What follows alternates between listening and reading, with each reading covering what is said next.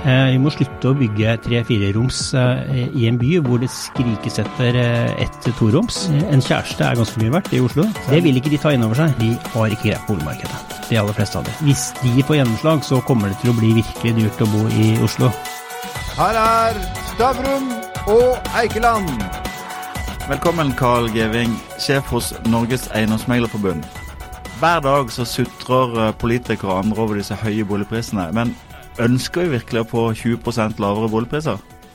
Nei, overhodet ikke. Eh, jeg tror eh, vi skal være veldig glad for at boligmarkedet går så bra. Særlig i disse tider så har jeg, jeg har skrevet en kronikk hvor jeg har sagt at boligmarkedet er med å løfte norsk økonomi ut av krisen, og, det, det kan altså belegge, hvis du vil komme inn på det. Ja, kan du, du, kan få en sjanse. Altså, jeg så litt på, Hvis du kjøpte en bolig til 10 millioner kroner, som er mye penger, mm. eh, så får du i dag lånt, lånt til ned mot 1,6-1,7 rente. Mm. Eh, etter skatt så er det rundt 10 000 kroner i måneden i rentekostnader. Hva er det enorme problemet? Mm. Nei, altså Den eh, norske boligmodellen har jo vært en stor suksess. 82% av eh, alle nordmenn eh, bor for tiden i en bolig eid av husstanden. Over 90% gjør det en eller annen gang i løpet av livet. Noen velger å ikke gjøre det, f.eks. eldre og unge i en periode av livet. Eh, så eh, det vi egentlig eh, snakker om av utfordringer, det er jo primært konsentrert til, til Oslo. Og, og, at det kan være litt vanskeligere å komme inn i boligmarkedet der. Men nei, svaret er jo også at den lave renta og inntektsutviklingen har gjort at det egentlig er ganske rimelig å eie sin egen bolig. Men, men, men hvis ikke du da har formuende foreldre og er ung og har studielån og sånt nå, med dagens regulatoriske krav og osv. Du har jo ikke sjans til å oppnå egenkapitalkravet. Eh, som andre ord, vi har et klasseskille som er kommet for å, å bli, har vi ikke det? Altså Er ikke det bare pure facts? Nei, altså Det er ikke fakta. Eh, fakta er jo at eh, gjennomsnittsalderen på eh, førstegangskjøpere i Norge er litt lavere enn for ti år siden. Og den har falt en del de siste tre årene, særlig i Oslo. og Det skyldes jo at boligprisene har eh, utviklet seg mer flatt de siste årene. Men eh, det er jo mange veier inn i boligmarkedet. Det er jo også et faktum at veldig mange får hjelp av, av eh, foreldre. Altså, vi har jo eh, et skattesystem som stimulerer til, til å investere i bolig, BSU-ordning. Altså, vi har mange, mange, virkemidler som gjør at eh, det kommer like mange, eller faktisk litt flere, inn i boligmarkedet i dag enn det gjorde for, for ti år siden. Eh, men jeg tror alle disse problemene som, som eh, belyses i mediene, eh, kresser veldig mye rundt Oslo. Det alle leser nå om, det er f.eks. at i Oslo så er 33% av innbyggerne det er innvandrere eller barn av innvandrere. Den gruppen eh, tilpasser seg eh, boligmarkedet og adopterer norske boligmodellen på samme måte som andre eh, norske ungdommer, eh, men de bruker lengre tid på å bygge egenkapital, og alle skjønner hvorfor. Eh, og eh, Oslo er jo den byen som tiltrekker seg flest mennesker. det er der befolkningsrettigheten er høyest. Eh, det er der prisene helt naturlig stiger mest, og det henger også igjen sammen med boligpolitikk, som vi sikkert skal komme inn på. Eh, I dag kommer jo denne nye sykepleierindeksen, eh, som alle medier gjenforteller som at en sykepleier bare har råd til, til 3 av boligene i Oslo. Men det de egentlig snakker om, det er at en sykepleier bare får lånepenger til 3% av boligene. For Hvis du ser på hva de faktisk tjener, eh, så har de jo hatt råd til eh, dobbelt så dyre boliger som det de faktisk får lån til. Så er det ikke mm. lånebegrensningen som er et problem.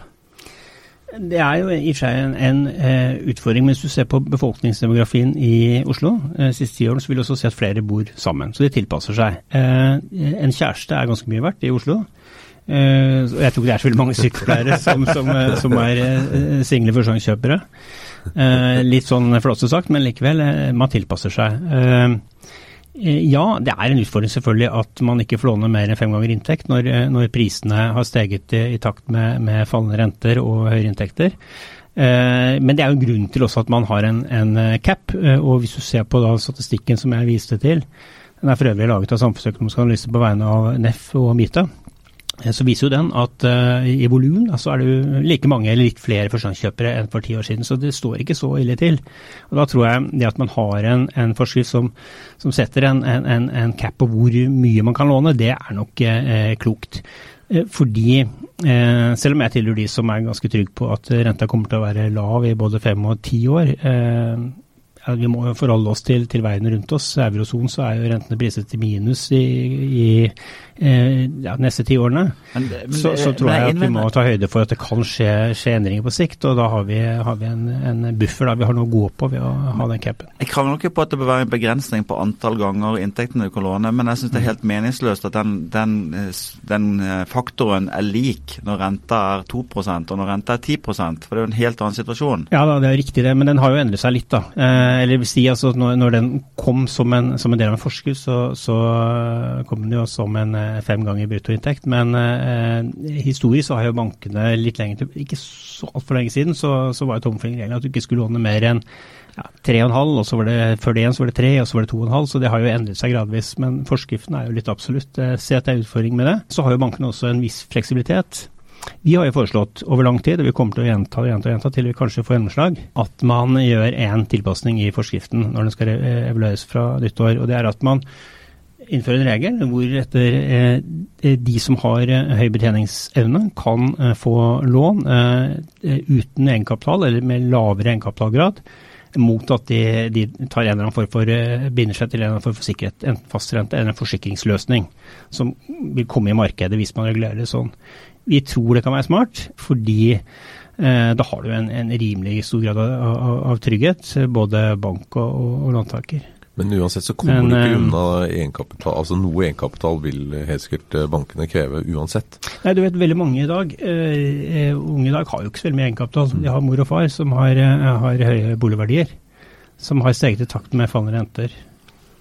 Faller, altså, når renta faller, så stiger verdien på boligene. Det er en, en, en absolutt faktor. Så, så det gjør at veldig mange har tilleggssikkerhet, som gjør at banken kan se bort fra, fra krav til egenkapital. Og, og, Men ok, hvis, hvis du- var nyutdanna, uh, si at du har 300 000 i studiegjeld, Uh, og, og skal inn på boligmarkedet, og har fått deg din første jobb, tjener 400 000 og sånt noe. Hva ville du ha gjort da? For, for, og du har ikke noen foreldre som kan hjelpe deg. Hva, hvordan vil du da komme deg inn i eiendomsmarkedet? Det er jo det er klart uh, Igjen, når vi snakker, eh, snakker uh, Oslo, Bærum, uh, omegn, Follo, så, så er det en utfordring. Jeg ville begynt å spare tidlig til bolig. Og så vet du at veldig mange eh, gjør det, og veldig mange får også De, de, begynner, de begynner med konversjonsgaven for mange. Eh, men klart, hvis du ikke har noen form for hjelp, så, så er det for mange en lang vei å gå ja, til å klare å bygge seg en egenkapital. Særlig i det markedet som, som, eh, som er her i byen. Um, det er derfor vi har foreslått også at man uh, justerer uh, forskriften, slik at den gruppen da, får en fair sjanse. Eh, Fordi i dag så legger skal si at vi mener at man legger litt for stor vekt på boligkapital, litt for liten vekt på betjeningsevne relativt sett. Boligmarkedet er egentlig et veldig godt eksempel som ligner på han personen som sitter med én fot i kokende vann og andre foten i isvann, og så er snittet ganske bra. Boligmarkedet i Norge er jo vanvittig variert. Eh, I Gamvik så kan du kjøpe en villa til 400 000 så du får kaste etter deg. I Oslo så må du opp i mange millioner kroner for å få et kryp inn. Mm. Det er vanskelig å snakke generelt om boligmarkedet i Norge, er det ikke det? Ja, definitivt. Eh, Det, det er egentlig helt håpløst. Og, og eh, eh, Det er noe av grunnen til at vi også har en differensiering i denne boliglånsforskriften, hvor Oslo har litt strengere regler. Det er faktisk etter forslag fra Norges Eiendomsmeglerforbund, og det høres sikkert veldig rart ut for en del av de som, som lytter, men, men vi foreslo det i 2016, fordi da, da steg prisene nominelt faktisk. Når den statistikken ble korrigert etter det, så var vi oppe i 26% på tolv måneder. Og, og det så at dette var ikke bærekraftig. Eh, Så vi foreslår derfor en differensiering, eh, og det tror jeg vi kommer til å bli videreført også, rett og slett. Eh, Og Vi har sett at danskene har noe lignende, så, det var litt inspirasjon. Nei, det er umulig å behandle disse markedene helt likt. Paradokset er jo at vi har jo perioder sett at vi har hatt en nesten like sterk prisvekst i Alta, i Hammerfest, som i Oslo. Og hvorfor det? Jo, fordi at det har vært press på de områdene. Mye tilflytting pga. industri osv. Stavanger var jo prisledende helt til oljepriskrakket, og er fortsatt eh, godt på minussiden hvis du regner fra 2014 fram til nå. Så man må se på dette som et eh, Oslo og omegn-problem. Eh, men da er det også et nasjonalt problem. Eh, og jeg tror hovedproblemet er at eh, man eh, regulerer altfor tregt, og man regulerer og bygger feil. Eh, Vi må slutte å bygge tre-fire roms eh, i en by hvor det skrikes etter eh, ett toroms. Det er sånn at hvis du bygger mer kompakt og utnytter tomtearealer bedre, så får du også både ned prisene, og du får priser som enhetspriser som det er mulig å betale for flere. Også det var dette MDG kritiserte de store boligbyggerne for. og Ja, altså Jeg har lest utkastet til partiprogram fra MDG, og det er, eh, det er eh, hvis, hvis de får gjennomslag, så kommer det til å bli virkelig dyrt å bo i Oslo. Eh, fordi da stopper jo alt opp. Heldigvis så ble det jo overstyrt i, i Viken, sånn at nå får vi uh, utviklet eh, E18 og får bygd Fornebubanen, forhåpentligvis. Men det, altså, det finnes jo uh, godt med internasjonal forskning som viser at eh, i byer eh, med høy fortetningsgrad eller, eller, sterk urbaniseringsgrad, eh, så stiger eh, prisene mer dersom reguleringsprosessene går tregt. Og eh, Norden er på en måte helt i den ytre skalaen, eh, enden av skalaen, eh, fordi eh, vi har jo såpass demokratiske prosesser at det tar ofte lang tid. Det er ikke uvanlig at eh, det tar ti år eh, fra eh, man starter å planlegge til man eh, har en ferdigbygd bolig. Og det er klart at eh, det eh, er med å påvirke prisene, fordi man ikke klarer å forsyne markedet eh, med det markedet etterspør. Når man i tillegg da bygger feil, man har en leilighetsnorm som og det MDG mener at man skal opprettholde den, eh, som eh, gjør at man ikke kan bygge mindre enheter enn 35 kvadratmeter, og et begrenset antall mellom 35 og 50. I en by hvor 48% er eh, eh, singelhusstander, eh, og hvor en økende andel eh, da er eh, folk som ikke er gift med hverandre, men som, som eh, bor i kollektiv for å, for å ha råd til å, til å bo, så sier det seg selv at dette er med å skape prispress. Det vil ikke de ta inn over seg. Det er et problem. Hvis MDG da har unge idealistiske velgere, så er dette en boligpolitikk som rammer deres egne velgere Til de, gra til de grader. Eh, Jeg mener at den eh, politikken de fører på dette feltet er helt kontraproduktiv. Jeg de, men jeg tror ikke de ser det. Jeg tror ikke de forstår det, så de bruker all energien på eh, å eh, krangle med boligutviklerne. Eh, og, og, og, i, liten grad da, så finne, finne nye løsninger, og er på en måte ikke villig til å tenke nytt. Det er paradoks, fordi byrådslederen, Raymond Hansen, uh, på vår konferanse, NF Eiendom Norge hadde en felles konferanse i Arendal i 2016. Uh, han ble sitert i mediene der på at han, han, eh, han erkjente at denne leilighetsnormen må man liberalisere. Det skal jeg sørge for. Eh, så har ikke skjedd. Han har ikke fått flertall i eget byråd. Han har jo ikke flertall i eget byråd, han har jo SV og MDG. Nei, ja, ikke sant. Han har ikke fått støtte i eget byråd, heter det vel. Så, så, så det der er eh, som utgjort, altså at man ikke klarer å, å Så det er klart at det at det går så tregt, både med utvikling av eh, eh, tog og bane, Um, både altså inn til byen, som gjør at man kunne i større grad ha uh, bygget mer effektivt eh, i satellitter rundt Oslo. Eh, og som gjør det eh, også mer eh, attraktivt å bo utenfor Oslo da, og, og, og, pendle. Men er problemet Så- at det bygges for, for få boliger, eller er det problemet at det er en spekulasjonsbølge som driver opp prisene? Jeg tror problemet er at det bygges uh, for få boliger, og det bygges feil boliger. Uh, bygger du tre-fireroms leiligheter i Oslo, så er det veldig uh, få som har råd til det av, av de altså singelhusstandene. Eh, det er vel hovedproblemet. Eh, vil jeg si, når det gjelder spekulasjon. Vel, altså eh, NEF, Samfunnsøkonomisk analyse av har ført eh, statistikk over sekundærboliger i noen år nå. Eh, og den viser en ganske stabil eh, utvikling. I Norge så er det 15 sekretærboliger. sekundærboliger. Mye av det er jo, eh, det er jo fraflyttede boliger som brukes som feriebolig. Eh, I Oslo så er det eh, ca. 17 eh, som er sekundærbolig, og det fordeler seg litt ujevnt. I, Frogner bydel så er det noen, eh, 34 tror jeg. Og det er feil når det kommer litt ut av kjernen.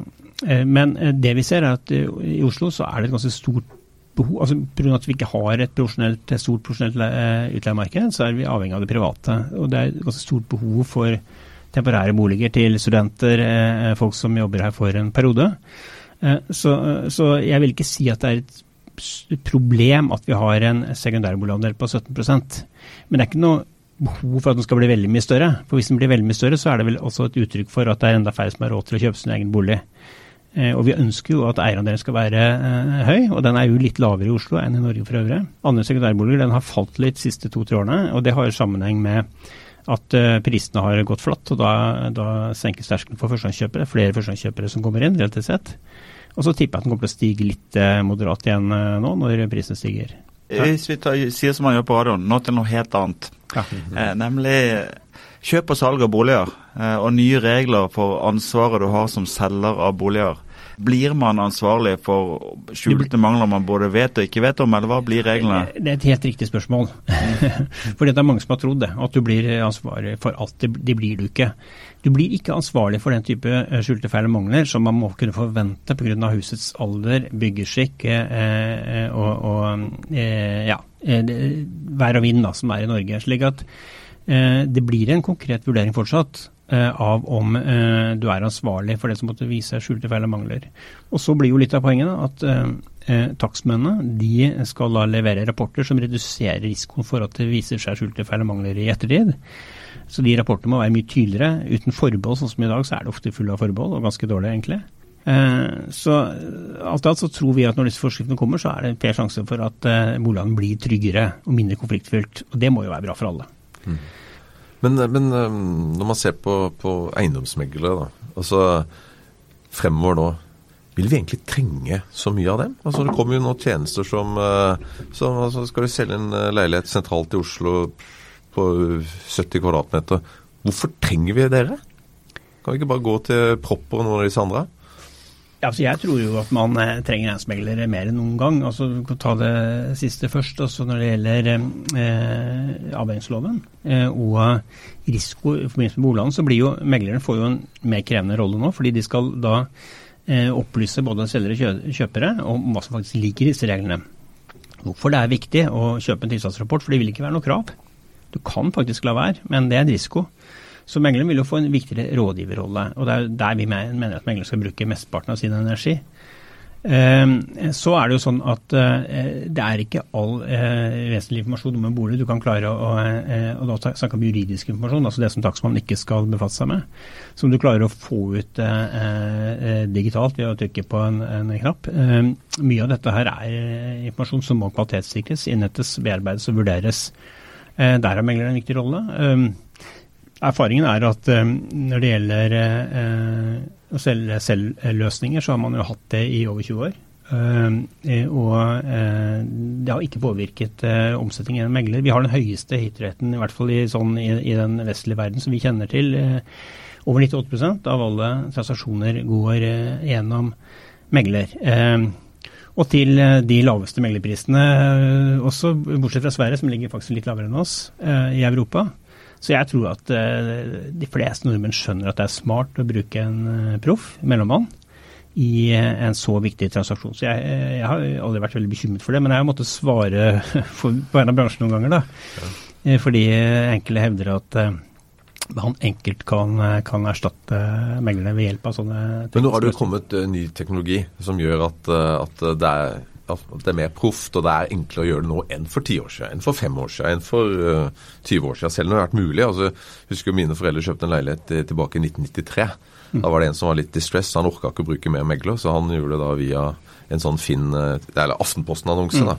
Kosta 5000 kroner for advokat og sånt. Så det, det er jo, eh, det, Men akkurat nå er det kommet så mye bra. Sånn, sånne gode tjenester da, som det ser proft ut, alt ligger til rette og alt sånt. da.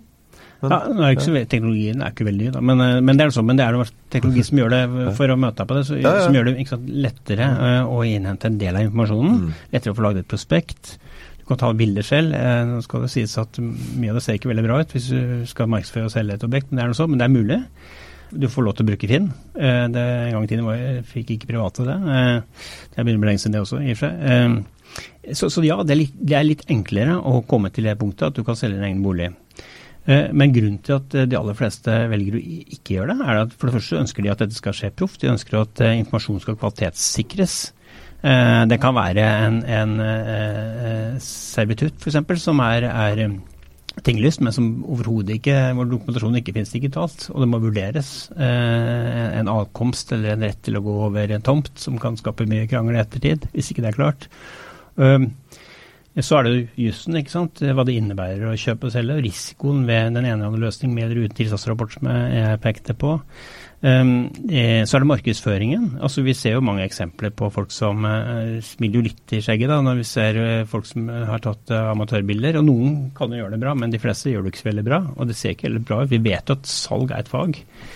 Um, og så tenker jeg ja, Jeg er jo jurist av utdanning selv, så jeg ville aldri turt å, å, selge min egen bolig, for jeg vet at det er risiko. Selv om det oftest går bra, så er det risiko for at ting ikke går bra. Og da er det veldig greit å ha noen å skylde på. Eller noen som i hvert fall har prøvd å unngå det i utgangspunktet, og det er en megler, ikke sant. Som også er forsikret. Mm. Ja, ja. Jeg solgte min første bolig til et advokatpar. Eh, det gikk bra. Vi hadde ikke turt gjort i dag.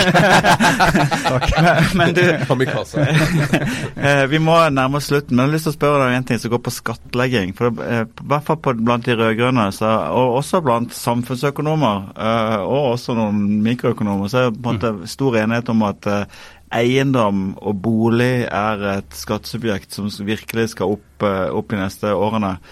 Samtidig så har jo 85% av velgerne egen bolig og er ikke så veldig interessert i det. Mm. Hvordan tror du den kampen kommer til å forløpe?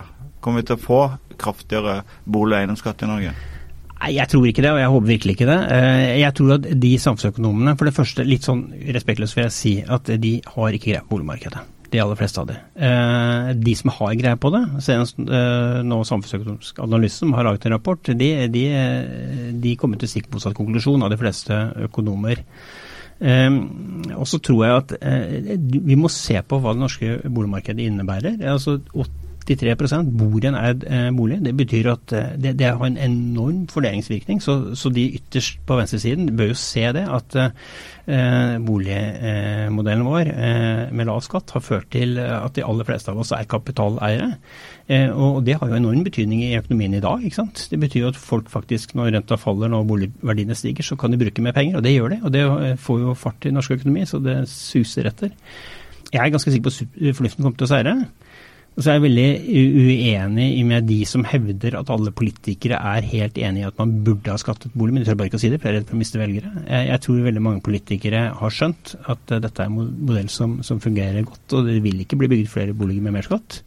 Mange vil få det verre med mer skatt. Uh, særlig de som i utgangspunktet har lite. Så jeg er ganske trygg på at dette, dette ikke kommer til å bli, bli, mm, Jeg tror ikke det blir store tema i valgkampen heller, men det kommer til å bli diskusjon litt framover. Særlig i forhold til sekretærbolig, kanskje. Men næringseiendom, det kan beskattes mer? Det skal jeg egentlig ikke mene så mye om her. fordi at, eh, Jo da, vi har også næringsmeglere okay. med, men, eh, men, eh, det er egentlig boligskatt. Vi har primært opptatt av primærboligen, altså at den skal være lavt beskattet. Og vi tror det er godt bidrag til norsk økonomi. Eh, at økonomer mener at eh, eiendom er fint å beskatte fordi det er nagelfast, ikke kan flyttes eller flyttes fra, det, det, det er jo et rent teknisk argument. Men du må se på hva faktisk eh, norske bidrar til i norsk økonomi, og da tror jeg den er gjennomgående positiv. Helt til slutt, jeg antar at du er boligeier selv. Ja. Um, og selv om du er jurist, så må du svare ærlig på følgende spørsmål. Når det har kommet ny statistikk som viser at boligprisen har steget 2% sist måned, blir du glad eller lei deg? Nei, vet du hva, jeg bruker så mye tid på dette her profesjonelt at jeg, jeg, jeg har ingen følelser. Men jeg registrerer, jeg registrerer, jo at jeg har jo eh, mye egenkapital i bolig. Og at jeg kan gjøre som mange andre nordmenn. Jeg kan låne opp eh, og kjøpe hus og båt og bil og hva det måtte være. Eh, I de verdiene, ikke sant. Eller sekundærbolig. Og det er klart at det gjør ikke min økonomi dårligere, nei.